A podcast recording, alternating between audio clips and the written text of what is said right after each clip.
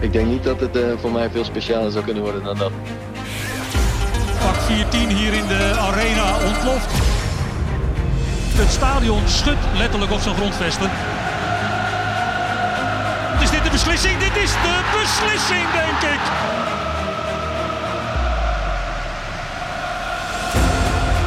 Zo'n band met een club heb je maar één keer normaal gezien. En dat je op dat moment ook nog als aanvoerder in zo'n wedstrijd kan winnen, dat is gewoon bizar.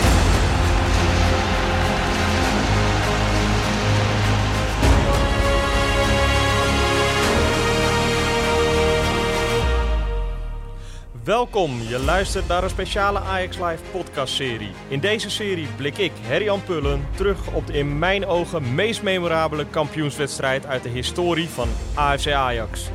Iedereen weet wat 15 mei betekent. 15 mei 2011. Een mythische dag in de historie van onze club. De dag waarvan iedereen wist dat het moest gebeuren. Het behalen van het 30ste kampioenschap. De derde ster op het shirt.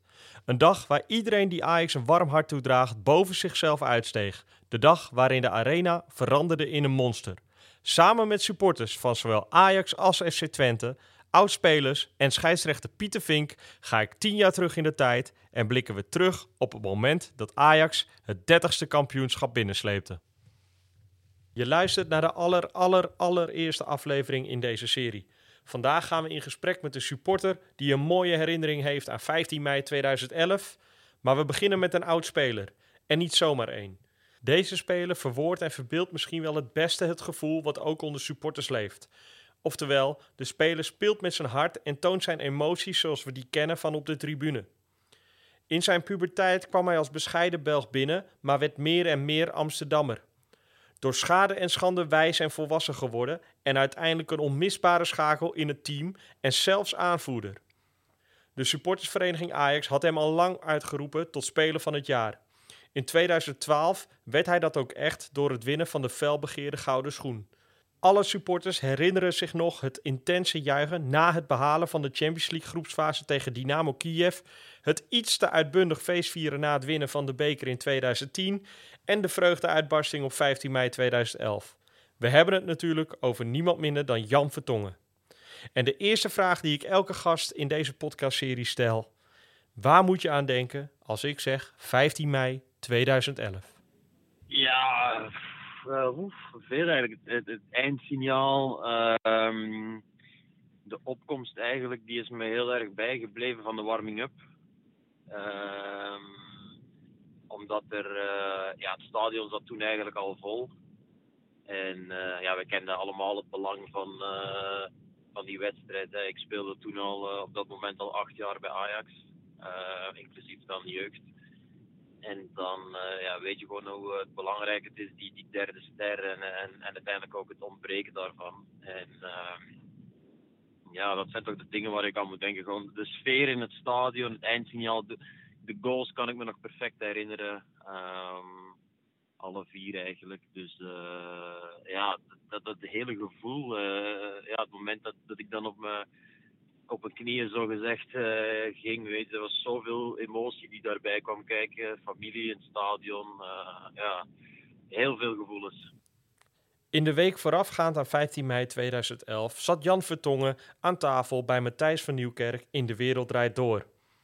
Hij moest Matthijs geruststellen. Het zou allemaal wel goed komen, aldus Jan. Hoezeer was Jan daar ook echt zeker van? Ja, ik, ik kan me inderdaad herinneren dat ik dat toen een interview heb gedaan. En uh, wij kwamen, uh, denk ik, in die bekerfinale uh, vrij comfortabel met 2-0 voor. Toen incasseerden we net voor rust, denk ik, 2 en ik, ik, weet niet, ja, dat, dat, was, dat was gewoon het gevoel. Um, natuurlijk, Twente was erg sterk. En, uh, maar ja, dat, dat, dat, was mijn gevoel op dat moment dat we toch hadden moeten winnen. Dat we het betere team waren. Dat er, dat er mogelijkheden lagen. En uh, oké, ja, misschien was het op dat moment ook wel een beetje bluff en, uh, en, en, en, teleurstelling. Dat je dan vertaalt in in een soort van dosis zelfvertrouwen of zo. Maar uh, ja, dat was gewoon het, het, vertrouwen dat we het echt zouden, zouden klaren, inderdaad, de, de, de klus. Jan Vertongen werd aanvoerder na het vertrek van Luis Suarez en de blessure van Maarten Stekelenburg. Ik vroeg hem of hij extra druk voelde richting 15 mei vanwege zijn nieuwe rol in het elftal. Ehm, ja, ik, ik, denk niet dat ik heel erg anders ben als aanvoerder dan als niet-aanvoerder. Inderdaad, maar dat vergeten mensen wel eens. Maart inderdaad, die, die raakte volgens mij serieus geblesseerd aan zijn schouder. En, eh, en daardoor zien uh, mensen mij een beetje als aanvoerder van, van dat kampioenschap. Terwijl inderdaad Maarten was, uh, was eigenlijk onze, onze aanvoerder op dat moment. En ehm, ja, ik, ik vind het wel mooi dat ik toen, dat ik, dat ik toen de aanvoerder was. Weet je. Dat was een heel speciaal moment. En om toch het team naar, naar die derde ster te leiden. Ik, ik zeg het, ik speelde op dat moment, was mijn, dat moment was mijn vijfde jaar in het eerste. En we zijn een paar keer zo dichtbij geweest. En, en, en ja, als, als Ajax kun je natuurlijk niet vijf jaar het kampioenschap niet winnen. En, en, en alle financiële druk die erbij kwam kijken. Oké, dat jaar hadden we dan uh, wel de Champions League gehaald daarvoor. Maar dan nog, weet je, dat, dat waren echt andere tijden dan nu. Ik, ik leefde toen zo erg met de club mee dat uh, ik had ook die ontlading toen we Kiev uh, versloegen voor de kwalificatie van de, van de Champions League. En dat was eigenlijk bij mij hetzelfde gevoel. Gewoon het gevoel dat je, de, dat je toch de, de club helpt en, of, of redt. Of, uh, of, of, die supporters. Dat, dat was eigenlijk de hele ontlading. Het was niet zozeer van nou eindelijk ben ik kampioen. Het was meer dat dit, dat dit de stad en Ajax, hadden dit allemaal nodig, weet je. En, uh, en dat had veel te lang geduurd. Zeven jaar lang won Ajax geen landskampioenschap. Dat zorgde voor veel onvrede bij supporters. Ik vroeg Jan hoe de band met supporters was in het seizoen dat we de 30ste landstitel wonnen. Ja, de band met de supporters was, uh, was beter. Op dat moment, ik zeg door, die, door de magere jaren daarvoor. Uh, ja, ik denk dat, er, dat, dat het niet altijd even makkelijk hadden in de arena. Hè. De, toch, uh, ja, kritisch publiek, ze verwachten veel. Er uiteindelijk werden er ook heel veel aankopen gedaan om, uh, om dat succes terug te brengen. Hè, met allemaal bekende namen die, die je ook wel kent.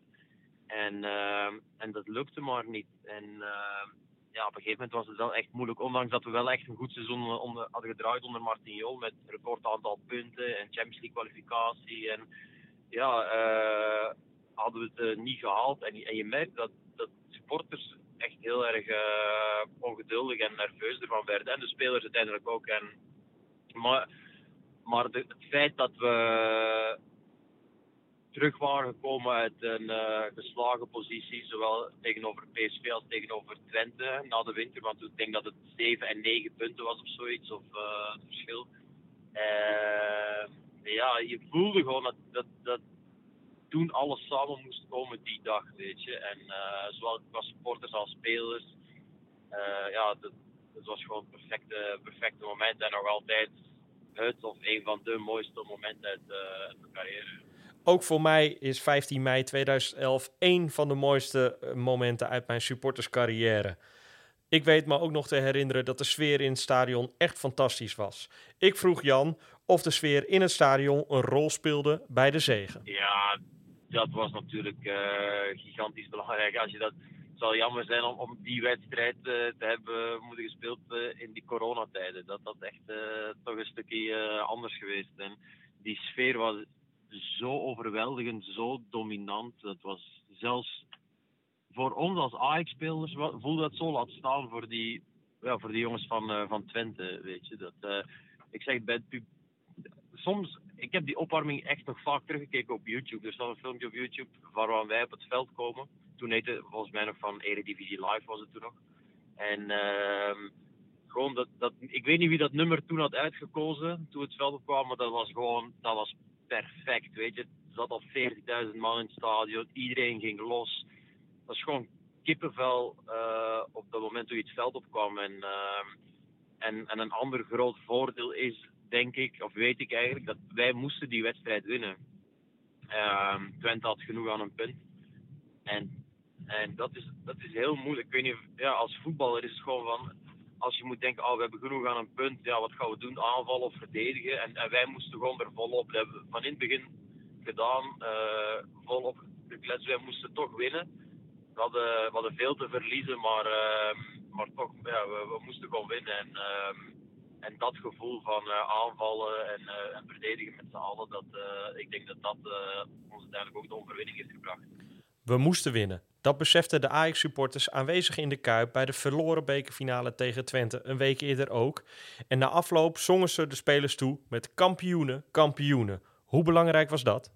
Ja, wij wisten natuurlijk inderdaad al in juli ook dat die, dat die, uh, die wedstrijd, ja, dat er nog een belangrijkere wedstrijd uh, aankwam. Hè. Een wedstrijd rechtstreeks om het kampioenschap. En, en ja, natuurlijk, we waren teleurgesteld in die wedstrijd. Maar ik, ik, op een of andere manier denk ik dat wij er als morele winnaars uitkwamen. Dat, in ieder geval, dat was zover voor mijzelf. En ja, we moesten gewoon direct weer uh, blik op, op, volgende zondag. En, ja, natuurlijk met de, met de steun van jullie, de supporters die, die je daar doen aan herinneren. Oké, er was op dat moment weinig plek voor, voor teleurstelling. Alle ogen waren meteen gericht op, ja, op, op, de, op de week daarna. Ajax wist dus wat er te doen stond. De 30ste landstitel moest binnengesleept worden. Ik vroeg Jan wel of het tactische plan ook daadwerkelijk anders was een week later ik denk dat er qua tactiek niet, uh, niet heel veel anders was. Wij, wij speelden toen ook gewoon uh, wel, wel, kan ik me herinneren. En uh, ja, hun spel was echt heel erg gericht op, op Brian Ruiz en, en Luc de Jong in die tijd. En, ehm, ehm, ik, ik, weet niet of we precies met dezelfde elf die wedstrijd aangingen. Dat kan ik me niet meer herinneren. Ik, ik ga ervan uit van wel.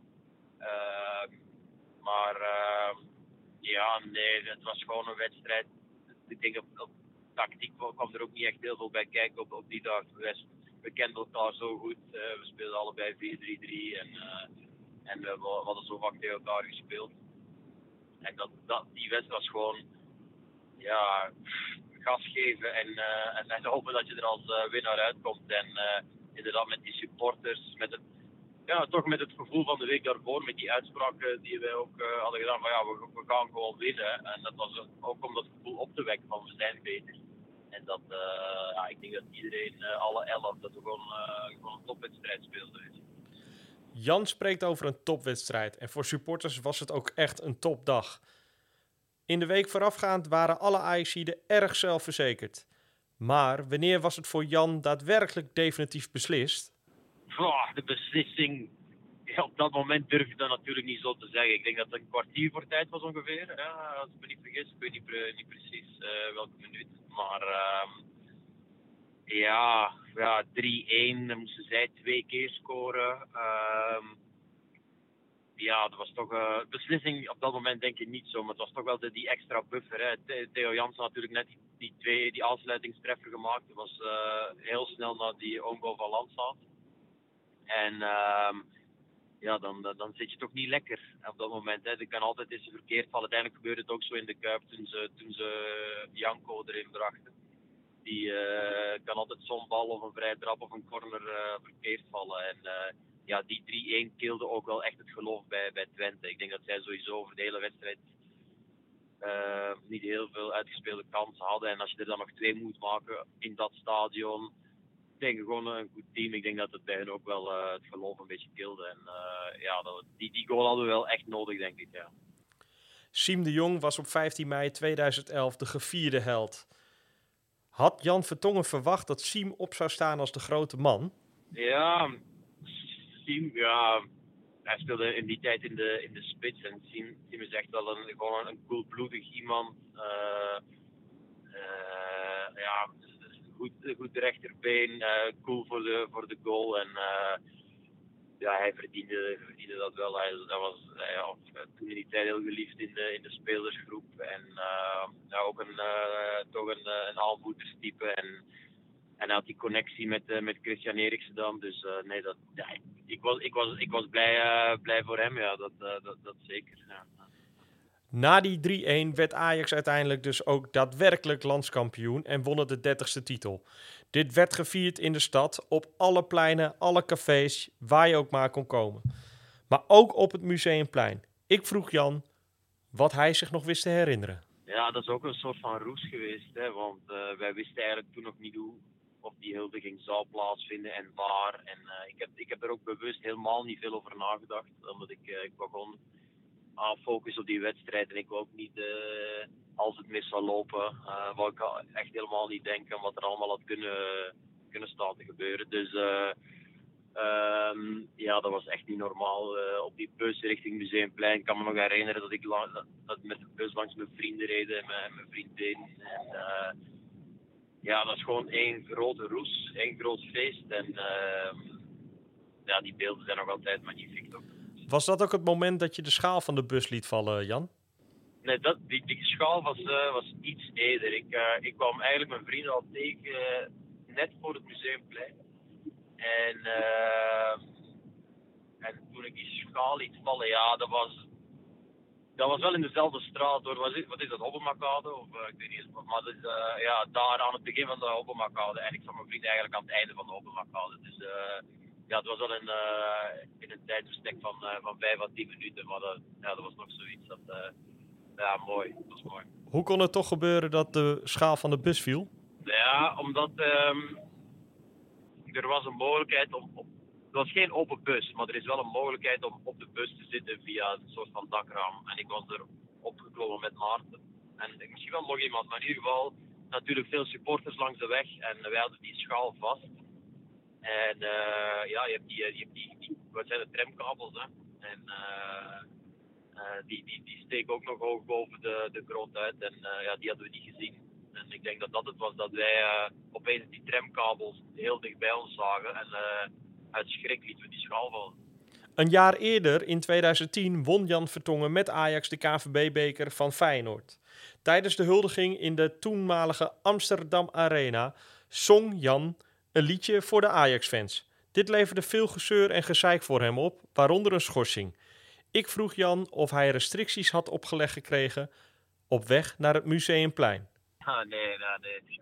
Daar heb ik zoveel gezeik mee gehad. Dat uh, was, is echt niet in me opgekomen. En, uh, om, daar maar weer over, uh, over te beginnen. Nee, dat, nee dat, daar had ik geen instructies voor nodig. Dat, dat, ik, ik, dat heeft me schorsing opgeleverd van, van een aantal wedstrijden. En ja, dat is natuurlijk stom als je zo de competitie moet aanvatten.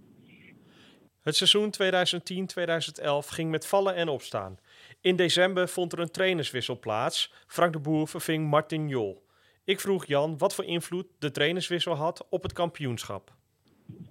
Um, ja, kijk, Martin Jol we hadden natuurlijk een heel goede tijd onder hem gehad. Het seizoen daarvoor, beker gewoon ook. En, uh, maar ik denk in die tijd van Martin Jol waren we waren echt een team dat, dat was eigenlijk gericht op, op, op, uh, op Suarez. En, en, misschien deels terecht, want hij, is, hij was en hij is een, een geweldenaar. Weet je, legde er 30, 35 in, hij besliste alles alleen. En, uh, en dat veranderde eigenlijk onder, onder Frank de Boer. Hè ten eerste had hij het, uh, de, het probleem niet, maar toch de tactiek op te lossen met, uh, met El Hamdawi en Suarez op dat moment. En uh, deels ook nog Soleimani.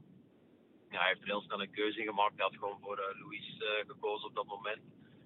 En ja, ik kan me ook herinneren, het was inderdaad rond de winter, dat we in die winterstop heel veel hebben getraind op, op opbouw en voetbal van achteruit en positiespel. En ehm, dat was daarin wel een verandering.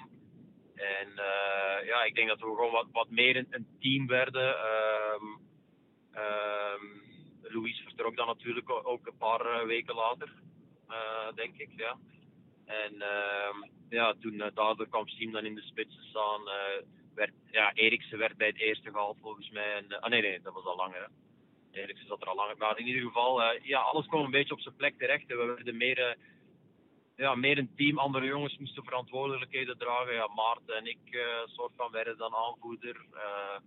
Ja, jongens moesten, moesten opstaan. Je kon niet meer zomaar alles op Luis Suarez afschuiven. En, en, het is eigenlijk echt zonde dat, dat hij er niet, niet bij is geweest. Want hij heeft toch... Ja, we hebben ja, toch vier, vier en een half jaar samengespeeld. En hij heeft ook een Ajax hart. Het is jammer dat hij dat niet heeft mogen meemaken. Want Vooral ook omdat hij dat seizoen ook met ons begonnen is. Veel Ajaxiden zien 15 mei 2011 als een van de mooiste dagen uit de historie van een club. Ik vroeg of het ook voor Jan een van de mooiste dagen was uit zijn carrière.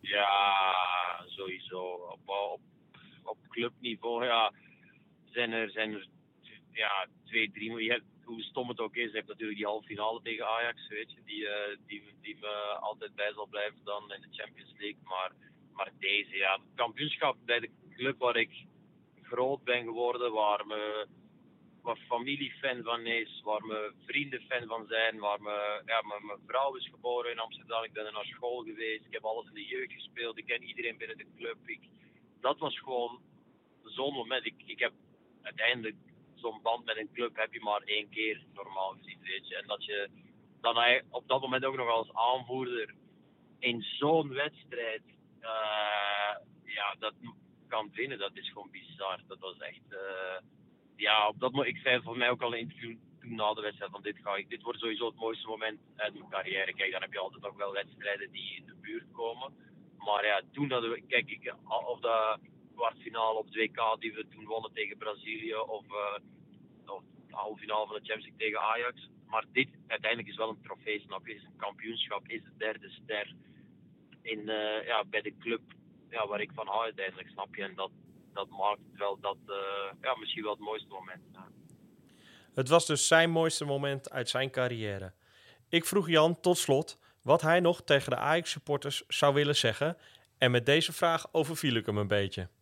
Tegen de Ajax-supporters mag zeggen, uh, even, even, denken. Uh, ja, geniet van, de van, alle, van alle momenten die, die er nu, uh, nu eigenlijk gebeuren met, met, met Ajax. Snap je? Het is, het is niet je moet dit wel koesteren, zoiets. Weet je, natuurlijk, de club wordt echt goed geleid, denk ik nu. En de, de juiste mensen op de, op de juiste plaats. Uh, maar de successen die nu worden behaald, dat heb ik ook gezien. Dat was, uh, ja, dat, dat, dit, dit moet je echt wel, uh, wel koesteren. Vooral de Europese successen, denk ik. Het gemak waarmee, ja, waarmee ze topteams uit Frankrijk, Engeland, uh, ook Duitsland verslaan. Dat, ja, dat, ik, ik vind niet dat, dat je te, te kritisch moet zijn. En dat zijn misschien niet de supporters. Ik zie toch ook vaak analisten die, denk ik van jongens, even serieus, Ajax gewoon team met Nederland. En dat, dat leert echt grote teams voetballes met uh, ja, gewoon niet beperkte middelen, maar toch mindere, kleinere middelen dan andere teams. En ik vind het ongelooflijk wat, uh, wat Van der Sar en Overmars hebben neergezet. En ik zou, als ik de supporter was, zou ik heel erg genieten van, uh, van deze tijden. Dat in ieder geval. Vergeet niet uh, ja, waar, waar ze Ajax vandaan hebben gehaald eigenlijk. En tot wat het nu allemaal is. Dat vind ik echt ik vind het geweldig. Mooie slotwoorden van een echte ajax en een echte clubman, Jan Vertongen. Ook via deze weg, Jan, wil ik je bedanken voor je deelname en hopelijk tot ziens. Zoals gezegd aan het begin van de aflevering gaan we vandaag ook in gesprek met een supporter. Een supporter met een bijzonder verhaal. Naar aanleiding van een oproep op onze kanalen AX Live ontvingen we enkele tientallen prachtige verhalen. Vele verhalen waren erg herkenbaar en prettig om te lezen, maar één verhaal sprong er echt uit. Deze supporter zat op rij 1 aan de zuidoostzijde van het stadion, daar waar uitbundig de 3-1 van Siem de Jong werd gevierd. Waar alle spelers om Siem's nek vlogen om dit beslissende doelpunt met de F-side en vak 14 te vieren, sloeg één speler ineens linksaf het publiek in. Deze speler is natuurlijk Jan Vertongen, die zijn emotie wilde delen met de fans. Degene die de euforische Vertongen in de armen vloog, is Guus Regeling. Ik vroeg Guus naar zijn aller, allermooiste herinnering van deze wedstrijd. Jan Vertongen, die echt letterlijk zeg maar, op mij afsprong en die niet alleen zeg maar, mij in de armen sloot, maar echt mij zo vastgreep. En uh, dat Demi de Zeeuw er ook bij kwam staan. En uh, dat weet ik ook nog. Uh, ik had Demi de Zeel had ik wel eens eerder gesproken. Maar dat vond ik wel heel leuk dat hij op een gegeven moment er ook gewoon bij kon staan. We komen zelf een beetje uit dezelfde regio. Dus ja, dat beeld staat me nog heel erg bij. En dat er ook nog een vrouw was, die, die stond erbij en die wilde dan Demi de Zeel over zijn bolletje aaien. Want die vond dat veel te mooi. Die vond het nog veel interessanter dan wat er verder allemaal tijdens die wedstrijd plaatsvond. Maar ja, dat, dat weet ik nog heel goed. Maar dat juichen met Vertongen, hoe ging dat precies in zijn werk? Ik stond tegen die reling aan. Ik stond echt zo van, kom aan, met mijn armen van, kom maar hier naartoe, kom maar hier naartoe. Dus die kwam op een gegeven moment naar die hoek toe gelopen. En toen uh, was het uh, Jan Vertongen die in, in voltreinvaart ook die naar die hoek toe kwam gaan lopen. En op, opeens, zeg maar, een andere afslag nam. Waardoor hij over de boarding sprong. En, en wat ik echt nooit zal vergeten is, terwijl hij nog in, in de lucht hing, dat hij op een gegeven moment echt zo'n grimas had van, yes, weet je, we, we gaan dit redden, we gaan het halen. En er was, een, was niet alleen blijdschap, maar ook gewoon zo'n soort frustratie die eruit kwam. Van nou ja, dat hele jaar, misschien voor hem wel speciaal, omdat hij eh, een keer een gelijkmaker heeft gemaakt namens RKC tegen Ajax. Wat ons nog wel eens pijn heeft gedaan. Ehm, maar dat we wisten, die derde ster is binnen. 15 mei 2011 is voor mij een datum dat ik direct weet waar iemand het over heeft. Ook Guus vraag ik waar hij aan denkt bij het horen van deze datum. Dan denk ik aan de mooiste supportersdag uit mijn leven. Ehm, eigenlijk een onvergetelijk moment voor mij. 24 ehm, mei is natuurlijk zo'n iconische datum voor iedereen. En 15 mei is dat ook eigenlijk, uh, zeker voor mij als supporter. De dag eigenlijk dat de arena uh, ja, echt ons, uh, ons stadion werd. En ja, waar ik een soort liefdesrelatie met Jan Vertongen haast kortstondig had. Dus ja, nee, dat is voor mij echt de mooiste supportersdag uit mijn leven. De arena veranderde in een Ajax-stadion, al dus Guus. Guus heeft meer mooie herinneringen aan 15 mei 2011. Onder andere over de opkomst van de spelers bij de warming-up. Maar er is nog iets. Ja, en voor die wedstrijd, dat vuurwerk, we waren echt gewoon flabbergasted hoe hard het wel niet ging. En uh, Um, ja, vervolgens was het al de hele meezingen tijdens die warming-up. En toen uh, kregen we ook nog beelden te zien, weet ik nog wel, van, van die opkomst. Dat ze in die tunnel stonden. En dan zag je uh, Peter Wisselhof zag je daar ook staan, van Twente. En die keek echt zo omhoog, want toen had je ook nog... Hè, de spelers moesten eerst een trap op voordat ze het veld op gingen. En, uh, en die keek ook zo omhoog, echt van die ogen van... Jezus, Mina. En ja, ik weet ook zo, toen ging Dre Hazes, toen heet hij nog Dre, die ging toen zingen. Ja, dat was echt fantastisch. Dat was echt uit, uh, uit volle borst de hele arena die meezong. Uh, en dat werd later ook, uh, heb ik dat ook nog wel weer teruggezien. Dat zat ook nog in, een video die later is opgenomen. Um, maar ik weet nog, s'avonds zat ik Studio Voetbal te kijken. En daar zat toen Münsterman, de voorzitter van Twente. En die had er überhaupt gezegd, ja, dit was eigenlijk een onneembare vesting vandaag. Maar ook dat nummer, daar kwam alles in terug. Al die energie, zeg maar. Hij uh, vergeleek het een beetje met het You Never Walk Alone van Anfield, zeg maar. Dat, was, uh, dat nummer van Dre Haas was die dag omgedoopt tot het nummer van de Arena, zeg maar. Maar um, ja, en toen begon de wedstrijd eigenlijk. Toen, uh, weet ik nog, in minuut twee was een kans voor, voor Ruiz, die Vermeer nog pakte. Um, en dat ik al gelijk dacht, oké, het is gelijk game on, zeg maar. En toen um, was het uiteindelijk Siem die de, die de score opende, volgens mij in de 23e minuut. Eerder in deze podcast sprak ik met Jan Vertongen over de onoverwinnelijkheid die de spelers de week voorafgaand aan de wedstrijd uitstraalden. Ik vroeg aan Guus of hij ook dat overwinnelijke gevoel had. Nou, niet, niet per se onoverwinnelijk. Uh, ja, omdat we dus de, de, week ervoor van Twente hadden verloren met 3-2 in de, in de bekerfinale. En uh, ja, Ajax wel wat steken had laten vallen dat, uh, dat seizoen. En er zaten natuurlijk ook wat nieuwe spelers bij. Hè? Tenminste, spelers die nog niet heel lang speelden. Denk bijvoorbeeld een Epicilio die er toen net bij zat. En, um, um, maar ik had wel zoiets van, ja, met de arena achter ons kunnen we het wel echt gaan halen. Um, maar ik zat er niet per se uh, onoverwinnelijk. En, en tijdens die eerste helft, ja, toen, uh, toen waren we ook gewoon beter. Dus kwamen we op 1-0. En bij die 2-0 dacht ik wel, oké, nu hebben we hem. Maar ja, toen was het Theo Jansen die binnen een minuut uh, de 2-1 erin, erin knalde. En ik weet nog heel goed dat in, de, dat was in de 76e minuut dat Rosales, de rechtsback van Twente, die kwam op. En Janko, die lange, boomlange spits, die stond echt helemaal vrij. En dat ik ook echt mijn broer aankeek van... Nee, dit gaat niet goed, dit gaat niet goed. En toen speelde hij hem gelukkig naar Chutney. En die, die, was, die stond wel in de dekking. Nou, die bal ging uiteindelijk over, maar dat was echt wel... Je hoorde ook zo'n gloed over de tribune van... Oh, nee toch, nee toch. Ja, en anderhalf minuut later was het dus op uh, ja, uh, Vermeer... die die lange bal op, uh, naar voren speelde.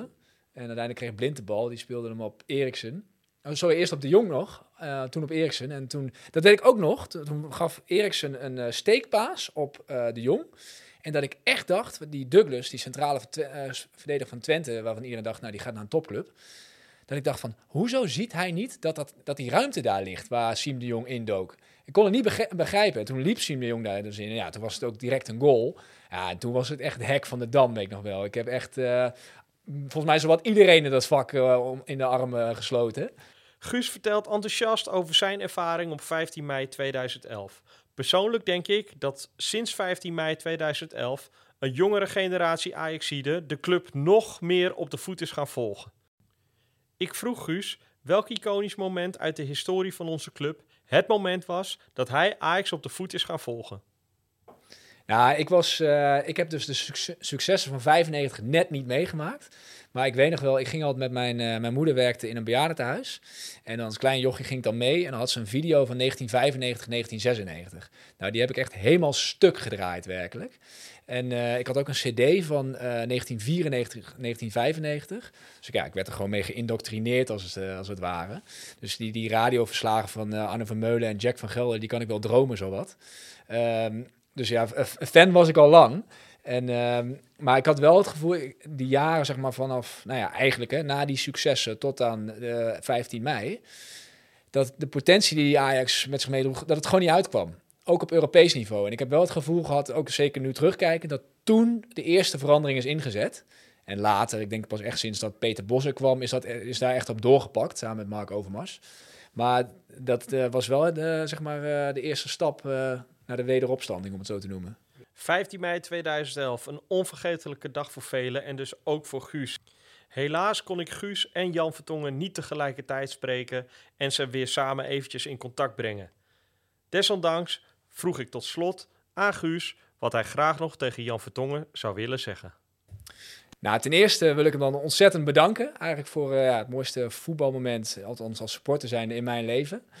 Eh, en ehm, ja, ten tweede lijkt me gewoon een keer heel mooi om te horen wat hij eigenlijk dacht op dat moment. Ik ben wel heel benieuwd. Het lijkt me leuk om gewoon een keer eh, met hem af te spreken. Of wijze van eventjes gewoon te horen eh, wat hij toen dacht toen hij over die boarding sprong. Want ik ben ervan overtuigd dat het sowieso zijn mooiste Ajax-moment was.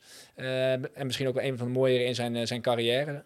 Dus ehm, ja, dat eigenlijk vooral. Ik ben gewoon heel benieuwd wat hij toen dacht. Was het alleen frustratie? Eh, wat, wat zat er in die blik? Gewoon vanuit psychologisch oogpunt ben ik daar ook gewoon benieuwd naar. Volgens mij heeft Jan Vertongen zijn vragen redelijk goed beantwoord eerder in deze podcast. Zo zijn we alweer aan het eind gekomen van deze aflevering. Vergeet niet eh, via Spotify, Apple Podcast of welk platform je ook gebruikt jezelf te abonneren. Of surf eventjes naar axlive.nl slash podcast. Elke podcast sluit ik af met een prijsvraag. En nu ben ik op zoek naar de antwoorden op de volgende vraag. Welke drie spelers maakten in het seizoen 2010-2011 de meeste competitiedoelpunten voor Ajax? Weet jij de antwoorden op deze vraag? Surf dan naar www.ajaxlive.nl slash prijsvraag en vul je antwoorden in. En wie weet win jij een kampioenschaal uit seizoen 2010-2011. Dat was hem voor vandaag. Morgen een nieuwe aflevering en dan gaan we in gesprek met de supporter Red. Hij sliep de nacht voorafgaand aan de wedstrijd in de arena. Zijn verhaal hoor je morgen. Tot laters.